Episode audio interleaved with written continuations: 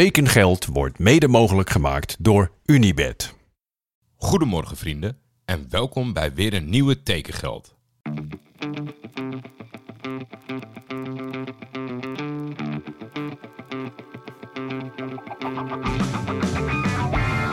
Waar gaat Hildeman naartoe?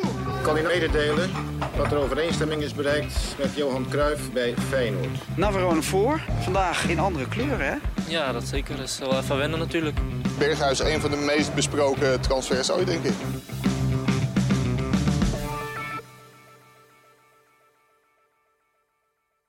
Allereerst bedankt voor de explosie aan Spotify-beoordelingen. Ja, ik dacht dat moet kunnen als we kijken naar de cijfers in combinatie met de mensen die de beoordeling hebben ingevuld. Maar ik had wel hoog ingezet, van 600 naar 1000. Dat was toch wel een flinke sprong.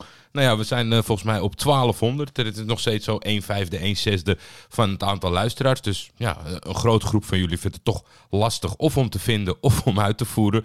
Maar ik weet ook, ook helemaal niet wat het doet. Het is nu natuurlijk te kort dag om te zien wat voor invloed het heeft op het eh, Instagram eh, of op het Spotify-algoritme. Maar dat gaan we morgen meemaken of beoordelingen iets doen. Nogmaals bedankt voor degenen die de moeite hebben genomen. Dan twee dienstmededelingen. Instagram, ik ben er niet zo van. Ik heb een account, soms word ik daarin getagd en dan... Het voelde een beetje rottig de afgelopen tijd dat uh, de volgverzoeken, et cetera. Ik gebruik Instagram als een beetje privékanaal voor uh, mijn vrouw en mijn kinderen en dat soort zaken.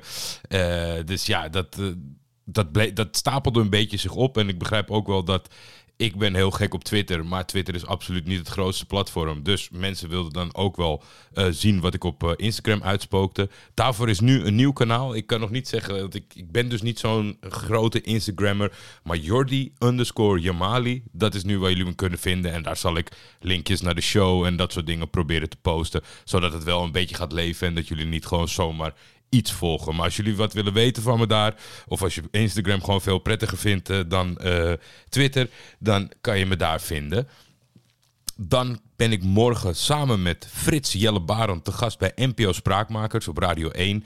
Dat zal ongeveer 11 uur plaatsvinden, dus uh, krijg je geen genoeg van me, schakel in bij Radio 1. En dan gaan we het hebben volgens mij over de start van de eredivisie en misschien zelfs nog een beetje over tekengeld en hekkensluiters. Dan ja, rectificatie. Uiteindelijk, het waren er best wel een boel die alert waren. Ik heb me ontzettend stom versproken. Het was niet echt uh, dat ik het niet wist. Maar ja, dan moet je toch door het stof. En ik denk dat Edu het beste heeft omschreven waarom iedereen toch alert was. Hij zegt, ha Jordi, vanmorgen luister ik voor de 56ste dag op rij een tekengeldaflevering. Bedankt voor de consistentie. En heb ik je persoonlijk voor het eerst betrapt op een foutje.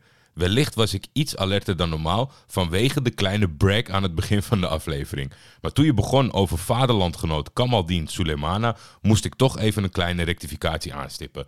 Ren had Ajax destijds verslagen in de strijd om Kamaldin, die destijds uitkwam voor FC Noord-Holland. Ajax schakelde toen door naar competitiegenoot en mede-West-Afrikaan Mo Darami. Ondanks dat Darami geweldig was in mijn FM19-save bij Ajax, blijkt dat in het echt toch een stuk minder. Sulemana aan de andere kant maakt een goede indruk bij Ren en de Black Stars en hoopt dat hij aankomend WK een mooie combi kan vormen met Iñaki Williams natuurlijk en met een beetje mazzel en Ketia van Arsenal. Ja, dat gebeurt als je gaat lopen opscheppen over het aantal dagen dat je zonder rectificatie bent. Dan verspreek je je. Het was niet. Ik, ja, natuurlijk wist ik wel uh, hoe het was verlopen. Het was een oprechte stomme verspreking gisteren. En niet dat ik het niet wist. Maar voor degenen die het vergeten waren of misschien niet wisten, die weten nu weer precies hoe het zat. Dan ja, ga ik hem toch in de categorie aanvulling zetten. Want een aantal mensen zeiden van, ja, is dit basiskennis of zo? Moet ik weten bij welke club Melchior Schoenmaker uh, jeugdtrainer is je kan hem best wel gokken. Maar uh, ik, heb, ik heb een heel verhaal verteld over Liro Medolin, de 16-jarige middenvelder. Uh, dat hij een stageperiode had, dat hij was gescout als jeugdinternational van Finland. Maar ik heb helemaal niet genoemd dat hij er met Groningen uit is gekomen om daar te tekenen. Dus dat is de nieuwe speler van FC Groningen. We zijn de 30 berichten ruimschoots gepasseerd. Dus de All or Nothing Arsenal documentaire recap afleveringen komen eraan. Ik ga nog even kijken hoe ik het moet passen en meten. Ik denk dat ik morgen wel de eerste afleveringen kan zien. Eén iemand zei terecht van maak wel even aankondiging waar ze zitten of wanneer je begint voor de spoilers. Ehm, ik denk misschien wel zelfs dat ik er aparte afleveringen van maak. Dus dan heb een tekengeldluisteraar die graag zelf wil kijken er geen last van. En dan kan je het in de omschrijving zien dat het een recap aflevering betreft. Of ik acht losse doe, of ik geloof, uh, die zei dat er maar drie pas online stonden. Misschien dat ze het in fases uitbrengen. Dus ik denk wel dat ik gewoon één episode per aflevering en dan los in de tijdlijn. En uh, wie geïnteresseerd is, en dat zijn er in ieder geval uh, best wel wat, die kunnen dat op die manier gaan vinden. Ik heb er zin in. Uh, tot slot een, een, een, oude aanvulling. Want Michael die was aan het terugluisteren en die zei... ik hoorde vandaag een podcast terug. Daar ging het over Jorrit Hendricks die verhuisdozen kocht. Ik weet niet of het al eerder is gemeld... want ik heb bijna alle podcasts geluisterd tot nu toe. Maar de reden dat Jorrit waarschijnlijk die dozen nodig had... is omdat zijn huis in Eindhoven bijna klaar is. Ja, dat is ook wel het mooie van deze tijd... dat iedereen denkt uh, transferspotter, primeurjager te zijn... en dat je dan een voetballer bij de Gamma ziet met wat dozen. Ja, misschien is die jongen wel oprecht aan het verhuizen. Gewoon binnen Nederland... Dus ja, ik heb ook helemaal niks meer gehoord over de interesse vanuit Duitsland of een aanstaande transfer. Dus waarschijnlijk heeft Michael gewoon gelijk. Dan de transfers van vandaag. Karel Eiting is dan eindelijk gepresenteerd en aangetrokken door FC Volendam. Omdat FC Volendam het in de laatste afleveringen best wel zwaar te verduren heeft gehad, ben ik er diep in gedoken voor alle Volendammers. Eerst gaan we luisteren naar Steven Chicken, een Britse journalist die al jaren Huddersfield Town volgt. there were two stages to Carol Lighting's time at Huddersfield Town. The first time he came in, it was on loan from Ajax in the 2020-21 season, and he was quite a key player in the first half of that season. And Huddersfield actually started that season pretty well, not brilliant, but they were mid-table in a season where they'd expected to be fighting relegation, uh, and he chipped in with a couple of important goals, and he was really, really important to Carlos Corbrand's side. They wanted to implement a very possession based style. They wanted to have more of the ball, more control, and he was sort of the the main passer uh, in that side, the main ball player. Uh, he's not the most mobile player. He's not terribly uh, quick, and, and he's obviously had injury issues before uh, at Ajax that I imagine a lot of your listeners are, are very familiar with. But when he did play, he was very good at helping Huddersfield get up the pitch quickly with quite incisive passes up the field and was really good at setting the tempo and pulling the strings by using the ball really well. Unfortunately, he did suffer an injury, had a knee injury in the January or yeah, the early January of that season, which ruled him out almost for the rest of the season. He he did come back towards the end of that season, which was incredible, really. It shows how hard he worked to get back because I think when it first happened, everyone thought that was his season finished. Uh, but he came back and, and played the last couple of games, by which point Huddersfield had, had almost got relegated. They managed to avoid it. And then he had a he went away, went to Belgium. Things didn't work out for him there. He was getting played out of position, was getting played at left back. They had a change of manager uh, who he didn't particularly get on with. I think he's spoken about that quite openly. So he negotiated to get a release and came back to Huddersfield. And at the time, it seemed like a really good signing because they needed a player with his kind of talents, that ability to to play long raking passes, to get play moving, to be a really good passer on the ball. He was a bit unfortunate though because basically at the same time they signed him, Huddersfield brought through a player called John Russell from their B team. John Russell had been at Chelsea previously. They'd signed him sort of six months before in the summer, and Russell turned out to basically be able to do everything that they signed Eiting to do. So he barely played. Uh, he only started in the FA Cup. He didn't get any more league starts. Came on as a substitute. To be honest, it was a very forgettable spell, but I think it tells you something that when he re-signed Huddersfield in that in, in January, all the fans were absolutely delighted to see him back. They were all over the moon that they'd made that signing, and you know it, it didn't work out for him. He he got his release. I think he wanted to. They'd offered him a longer deal when he came back, and he turned it down because he wanted to. I think he wanted to keep his options open for for a move in the summer. I think if he stays injury free, then he could be a really, really good player uh, in the Netherlands. It's a, a similar standard to the Championship uh, in England. Uh, sort of certainly, unless you're an Ajax or a, a PSV or a Feyenoord. Apologies to any other clubs who I might be missing there, but I believe it's it's more or less a similar standard. So the fact he did well in the Championship suggests that he should be able to do well back in the Eredivisie, and you know he's a really nice lad as well. You know, I think he's a very pleasant personality, um, really nice player, nice guy. Uh, no one's got a bad word to say about him, really, as a personality. So, fingers crossed he can stay injury free, and this move is the one that works out for him because I think he's waited long enough for it, and I think he deserves it. Nou ja, ik denk al met al wel een positief verhaal over zijn tijd in Engeland. Uh, je ziet dat, dat ze absoluut niet vervelend uh, uh, Je merkt dat absoluut geen vervelend uh, dienstverband was. Alleen een uh, factor pech en misschien wat trainerswissels, et cetera, et cetera. Maar het komt er wel op neer dat hij weinig speelminuten heeft gehad. En uh, ja, vooral die periode als linksback in België, dat moet toch wel redelijk hilarisch zijn geweest. Ik, ik zie Karel nou niet echt als linksback voor ogen. En dan gaan we nu luisteren naar Lars van Velsum, Mr. Eerste Divisie. Kijken wat hij ervan vindt als Volendam-expert. Ja, ja, ja, ja. Verfie. Ja, mensen, als de voetbalconnoisseur van Nederland je vraagt om even een uh, reactie op te nemen voor de transfer van Karel Eiting naar FC Volendam, dan doe je dat uiteraard. Ja, Vef, ik was uh, blij verrast vandaag uh, dat het rond was. Ehm, het ging natuurlijk al een tijdje langer de ronde dat er zoiets ehm, te, gebeuren stond. alleen er was natuurlijk ook interesse van onder andere Utrecht en Fortuna Düsseldorf, geloof ik, in Eiting. Maar uiteindelijk heeft hij getekend bij Volendam voor twee jaar en een optie voor nog een jaar. En ik vind dat wel echt een hele gave transfer. Um, ik denk dat je hier vooral Wim Jonk mag bedanken en de rest van de technische staf en de technische uh, directie. Want um, ja, het feit dat, dat Jonk natuurlijk Eiting al kent, ja, heeft hem waarschijnlijk wel over de streep getrokken. Um, ja, dus, dus daar, daar ben ik ontzettend blij mee. Eerder zagen we dat al bij de huurlingen van Inter natuurlijk, die naar Volendam kwamen. Um, ja, ook daar speelde geloof ik wel mee dat dan daar ex-Interspeler Wim Jonk daar de trainer was. Dus dat ze dan uh, ja, iets sneller bereid zijn om te komen. Maar de transfer van Eiting, ik vind hem heel vet. De professor. Nou, ik ben benieuwd um, of hij zijn stempel kan gaan drukken op dit seizoen.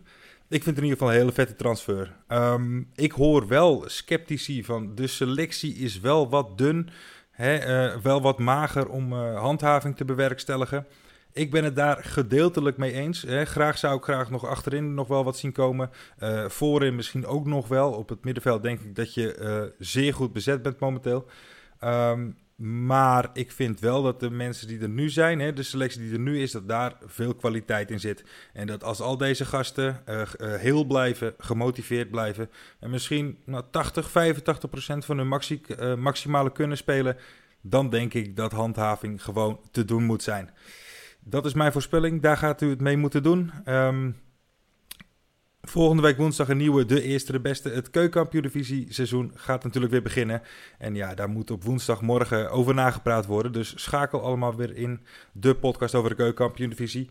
Vef, ik was nog wel even benieuwd. Hè? Eiting is zo'n speler. Uh, Ekkelenkamp zou je er misschien ook bij kunnen rekenen. Hè? Van die jongens die...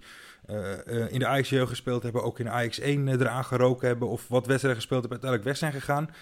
Zou jij misschien nog zo'n soort speler weten voor Wim Jonk? Dat jij denkt van, oh wacht even, dat is iemand uit de hè, uh, opleiding Ajax. Ze speelt nu ergens in het buitenland, komt weinig aan spelen toe. Weet jij er misschien nog eentje? Ik ben benieuwd. Ja, jullie horen het. Uh, misschien dat een aantal luisteraars die voor een club in de eredivisie, misschien wel een topclub supporter, heeft deze zomer toch, denk ik, met veel plezier nieuws en informatie vergaard over de KKD. Dus ga die gasten checken. Ik weet niet, want tegenwoordig is het natuurlijk zo dat als één iemand één onderwerp als podcast uh, start, dat dat helemaal niet betekent dat niet iemand anders precies hetzelfde doet. Dus ik weet inmiddels niet of deze jongens uh, de enige KKD-podcast zijn. Maar in ieder geval, overal waar Lars bij zit, is wel de OG-variant. Dus ga dat luisteren. En dan, ja, Lars, je zet me zomaar aan het werk. Ik, ik, ik vraag jouw expertise om hier met mijn armen over elkaar te gaan zitten. En dan kaart je de bal nog even terug. Maar ik heb een aantal jongens uit de tijd van Wim Jonk bij Ajax gevonden die momenteel clubloos zijn. Ik weet niet of je met ze allemaal even gelukkig bent, maar deze jongens zouden jullie kunnen gaan proberen op de dijk. Gino van Kessel, Geoffrey Castellon, Ricardo van Rijn en Yu Jung Soek. Nou, daar moet toch wat moois bij zitten. Het is in ieder geval cult. Ik zou Ricardo Verijn in ieder geval meteen bellen. En die andere drie zou je in ieder geval op proefstage kunnen nemen. Dan gaan we door. Keeper Maxime de Lange verlaat jong PSV voor Lierse kenpersonen. Concurrent Vincent Muller is ook al vertrokken. Dus jong PSV gaat aankomend seizoen met hele jonge keepers doen. Ze hebben nu nog onder contract staan Tyrik Bodak en Nick Schiks. De een is 20 jaar, die ander is 18 jaar. Over het algemeen willen clubs graag eh, ervaren keepers. Nou is dat bij jong elftallen natuurlijk. Die moeten ook jong zijn, vind ik. Ik ben wel benieuwd of deze twee jongens stand gaan houden. Overigens over de nieuwe club van Maxime. Wil je alles weten over Lierse? Luister, zoek dan even op in je podcastspeler de gevallen clubs aflevering van Hekkensluiters. Met Gert Gijzen over Lierse. Uh, een van mijn favoriete afleveringen in die reeks. Dan een schokkend nieuwsbericht vond ik. Helmond Sport verkoopt zijn clubtopscorer voor een niet te weigeren aanbod aan Belgische club. Jellert van Landschot, de 24-jarige middenvelder die afgelopen seizoen 13 doelpunten maakt, is donderdag vertrokken naar België. Ik zit er klaar voor, hè. ik klik het aan. Ik denk, nou gaan we het eens even meemaken. Club Brugge is uitgekomen bij Helmond Sport. Helmond Sport, de club natuurlijk, die staat voor het grote geld in de KKD. Dat moet toch aardig uh, een miljoenenbedrag zijn. Wil, wil dit ambitieuze Helmond geen nee kunnen verkopen? Is hij vertrokken naar KM, KMSK Deinzen? In, welke wereld is het mogelijk dat, dat Deinze een bod neerlegt bij Helmond Sport dat zij niet zouden kunnen weigeren? Ik, ik snap er helemaal niks van. Misschien als er een uh, Belg luistert die zegt: Ja, maar Deinze, wacht eens even. Die hebben de weg omhoog uh, ingeslagen. Die hebben een rijke voorzitter. Laat het me weten. Maar zo qua reputatie als ik ze ken en van naam. Ja, vind ik dit toch wel een heel raar verhaal. Misschien zijn ze wat over budget gegaan. En het feit dat Dijns überhaupt al geld wil betalen in de KKD, zie je toch heel veel huur of transfervrij. Misschien dat ze dat nodig hadden om, het, uh, uh, om de nieuwe status, dat ze een beetje over budget zijn gegaan, dat, om, om aan te vullen. Ik kan me toch niet voorstellen dat hij daadwerkelijk een bod heeft plaatsgevonden dat niet te weigeren zou zijn. Maar ja, uh, zolang we er niet achter komen, moeten we de krant geloven. Dan, Dordrecht is los en shopt overal ter wereld. Vandaag maakten ze de overgang van Bartolomi Smolarczyk bekend. Een 19-jarige Poolse middenvelder van Zapkovia Zapki. Voor zover ik kon zien, niet uitkomend op het profniveau. De ene dag is het een Italiaanse vedette, de andere dag is het een Poolse jongen van een club die niemand kent. Maar Dordrecht slaagt er wel in om super interessant te worden aankomend seizoen voor de neutrale kijker. Dan een Italiaanse spits voor Ajax. Lorenzo Luca, 21 jaar, 2 meter 1, geboren te Moncalieri, een gemeente in Turijn, toch een saillant detail in combinatie met Ajax, komt tijdelijk over van Pisa. Twee jaar geleden speelde hij zijn eerste seniorenseizoen bij Palermo. Hij groeide snel in zijn rol en richting het einde van de competitie scoorde hij er lekker op los en was hij basisspeler geworden. Pisa wilde hem direct hebben, op één niveau hoger, Serie B. Hij begon indrukwekkend, de nieuwe Italiaanse sensatie leek geboren. Maar toen kwam er de klad in. Schorsingen, basisplaats kwijt, geen doelpunt meer gemaakt sinds 2 oktober 2021. De bondscoach van Jong Italië riep hem nog twee keer op, maar bij de laatste drie duels was hij ook niet meer aanwezig. Er zit absoluut een goede kop op. Hij is de eerste Italiaan in Amsterdam. Maar of de knuffels van Schreuder warm genoeg zijn om hem zijn zelfvertrouwen terug te geven, ik weet het niet. Ik had een journalist gevonden die Pisa volgde van Gazzetta dello Sport, maar die zei: I'm sorry, English very difficult. Dus dat is niet gelukt. Dus jullie moeten het met mijn researchwerk doen, voor nu. Dan Shurendi Sambo, heerlijke naam, is door Sparta gehuurd van PSV. Komt net terug van een zware kruisbandblessure, maar maakte daarvoor indruk bij de Eindhovenaren. Bij Sparta moet hij de concurrentiestrijd aangaan met Dirk Abels en Lauren Jans. Dan een naam die toch doet denken aan het verleden, maar dat is hem niet en voor zover ik zag ook geen familie. Davy van den Berg is de volgende aanwinst van Pexvolle. Davy is een 22-jarige centrale middenvelder die het de afgelopen twee seizoenen moeilijk had om een vaste basisspeler te worden bij Jong Utrecht. En dat lijken me niet de allerbeste ingrediënten voor een vaste waarde bij Pexvolle. Maar wie weet verbaast Davy de wereld. Dan is RKC toch echt op dreef nu. Florian Jozefzoon de volgende aanwinst. Florian is eigenlijk het tegenovergestelde van Bakali wat dat betreft. Overal waar hij terecht kwam na PSV behoorde hij stevast tot de eerste 18. Hij is niet vaak voor lange tijd basisspeler geweest, maar belandde ook nooit op een zijspoor. Afgelopen seizoen stond hij nog onder contract bij Kivil Rouen Metropole. Nou ja, Chapal, laat het maar weer weten. Dus die zal een stuk eerder wedstrijdfit zijn dan Zakaria. Een absoluut hele sterke aanwinst van RKC, denk ik. Oké, dit is poging 3. Dan is Dan is NAC Breda een verdediger kwijtgeraakt. Moise Adilou verlaat Breda en gaat spelen voor Zira FK uit Azerbeidzjan. Zira werd afgelopen seizoen derde en plaatste zich hiermee voor Europees voetbal, maar is nu alweer uitgeschakeld in de tweede kwalificatieronde van de Conference League tegen het Maccabi Tel Aviv van Joris van Overheem, dat net te sterk was over twee duels. Dus Moise gaat in ieder geval geen Europees voetbal spelen, maar ik heb even gekeken naar Zira en dat is wel een club die de top kan uitdagen in Azerbeidzjan. Evan Rocher, een 20-jarige spits uit de jeugdopleiding van ADO, verkast naar FC Eindhoven. Het scouten van Evan moet precisiewerk geweest zijn, want hij kwam vorig seizoen wel 11 keer binnen de lijnen, maar dat was voor in totaal 85 speelminuten. Maar waarschijnlijk hebben ze in Eindhoven in die korte invalbeurtjes toch iets gezien wat ze aansprak. En dan alweer tot slot was er vandaag bijzonder veel commotie rondom Jurgen Ekkelenkamp. Dit keer niet vanwege een Hikiwake, Uchimata of Ippon, maar vanwege een last-minute gedachtenwissel. Thomas Taken van het laatste nieuws, vertel het maar. Dag Jordi, goedenavond. Um, het had een uh, rustige donderdag kunnen zijn, maar het was hier wel een beetje de, de 24 uur van uh, Ekkelenkamp. Eigenlijk moet je het een beetje zien als iemand uh, die bij jullie dan zijn woord heeft aan, aan Ajax en die dan eigenlijk uh, de dag nadien afbelt en zegt ik ga naar Feyenoord. Zo is het een beetje gelopen. Um, en dan klinkt het dat het niet voor de centen is dat hij uiteindelijk voor Antwerp kiest. Um, een ploeg met veel ambitie, maar die natuurlijk geen, uh, geen Champions League speelt, zoals Brugge, die driemaal op rij kampioen is geworden. Um, maar dat hij niet voor de centen zou kiezen, dat wordt wel heel erg benadrukt vanuit de entourage van de speler en ook van, um, vanuit Antwerp zelf. Dus daar luidt het dat hij echt voor Van Bommel kiest. En dat zal waarschijnlijk ook dan een deeltje voor Overmars, of zou een deeltje voor Overmars zijn, die hij natuurlijk kent, zoals jullie weten. Maar de vraag is natuurlijk, ja, als je dan voor Van Bommel kiest, uh, waarom, waarom valt je keuze dan tot, tot voor kort op Brugge? En, en is het plots uh, dan toch weer Antwerpen de dag nadien? Dan had je toch meteen voor uh, Van Bommel kunnen kiezen. Uh, het gekke is, het lijkt een beetje op een heuse prestigeslag nu van Antwerpen die de rival aftroeft.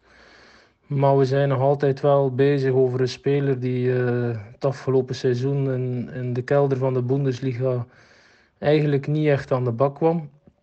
Antwerpen wou hem wel heel graag, dus vanuit die optiek hebben ze wel hun, hun slag geslaan. Club had hem zelf al op de radar, zonder meer um, als een van de schaduwpistes, zeg maar. Sinds hij bij Ajax een beetje ja, weg mocht, uh, volgen ze hem.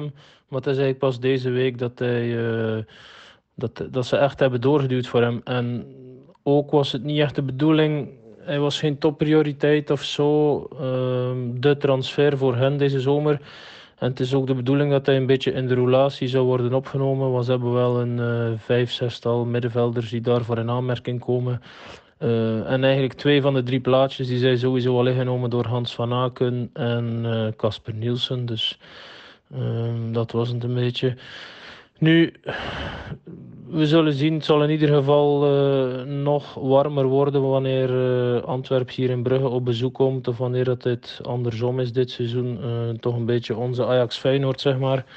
Um, en dit soort dingetjes dragen er alleen maar toe bij wat de supporters natuurlijk betreft. Want ik heb toch het gevoel dat ze in Brugge niet al te zwaar tellen om dit incident. Omdat alles verder wel wat gesmeerd loopt. Um, en bij Antwerpen zijn ze blij natuurlijk dat ze de, de rival. Ze hebben er wel inspanningen moeten voor doen, denk ik dan, uh, financieel. Maar ze hebben de rival kunnen aftroeven en dat stemt hen wel uh, gelukkig. Ja, vrienden, laten jullie maar weten wat jullie denken. Er zit natuurlijk, je hoort een beetje in de stem van Thomas dat hij ook zo zijn bedenking heeft over een aantal uitlatingen. En dat het niet helemaal klopt in lijn met, uh, ja, op de tijdlijn van de gebeurtenissen. Ik heb het idee, Jurgen Ekkelenkamp is niet zo top of mind of, of breaking news dat als ze dit gewoon hadden gedaan. Oké, we zijn van gedachten veranderd, we zijn naar Antwerpen gegaan. Had er niet echt iemand wat van gevonden. Maar op het moment dat jij 28 keer laat weten dat je dit absoluut niet om het geld hebt gedaan, dan denk ik toch heel snel dat je het wel om het geld hebt gedaan. We weten natuurlijk ook dat de voorzitter van Antwerpen bijzonder vermogend is. Dus ja, gefeliciteerd Jurgen met de moneyback. Nou, dat was hem voor vandaag. Ik kijk uit naar de aflevering van morgen. Je merkt toch zo'n eh, ja, 24, 48 uur voor de competitiestart dat heel veel clubs toch nog aan het, aan het handelen zijn. Mijn verwachting was dan ook helemaal niet dat zodra het voetbal begint, dat er geen enkele transfer meer zou plaatsvinden. En dat ik nu nog eh, een, een 20, 25 dagen een beetje aan het opvullen zou zijn. Er zal nog zat gebeuren, maar we zien wel, het komt weer op gang. Het was af en toe een beetje schrapen, maar nu eh, hebben we toch eh, riante uitzendingen. En daar ben ik wel blij mee, want dat maakt het gewoon iets makkelijker. Eh, geniet van jullie dag. Morgen is het alweer vrijdag voor de mensen die een maandag tot vrijdag job hebben. Het weekend staat eraan te komen. Kijk daarnaar uit. Geniet ervan. Doe nog één dag je best voor je werkgever. En dan kan je weer heerlijk uitrusten. Ik spreek jullie morgen. Tekengeld is een Schietvogeltje Media original. De intro is van Jacco den Hertog. Voor commerciële vragen en of samenwerkingen kun je mailen naar schietvogeltjemedia.gmail.com.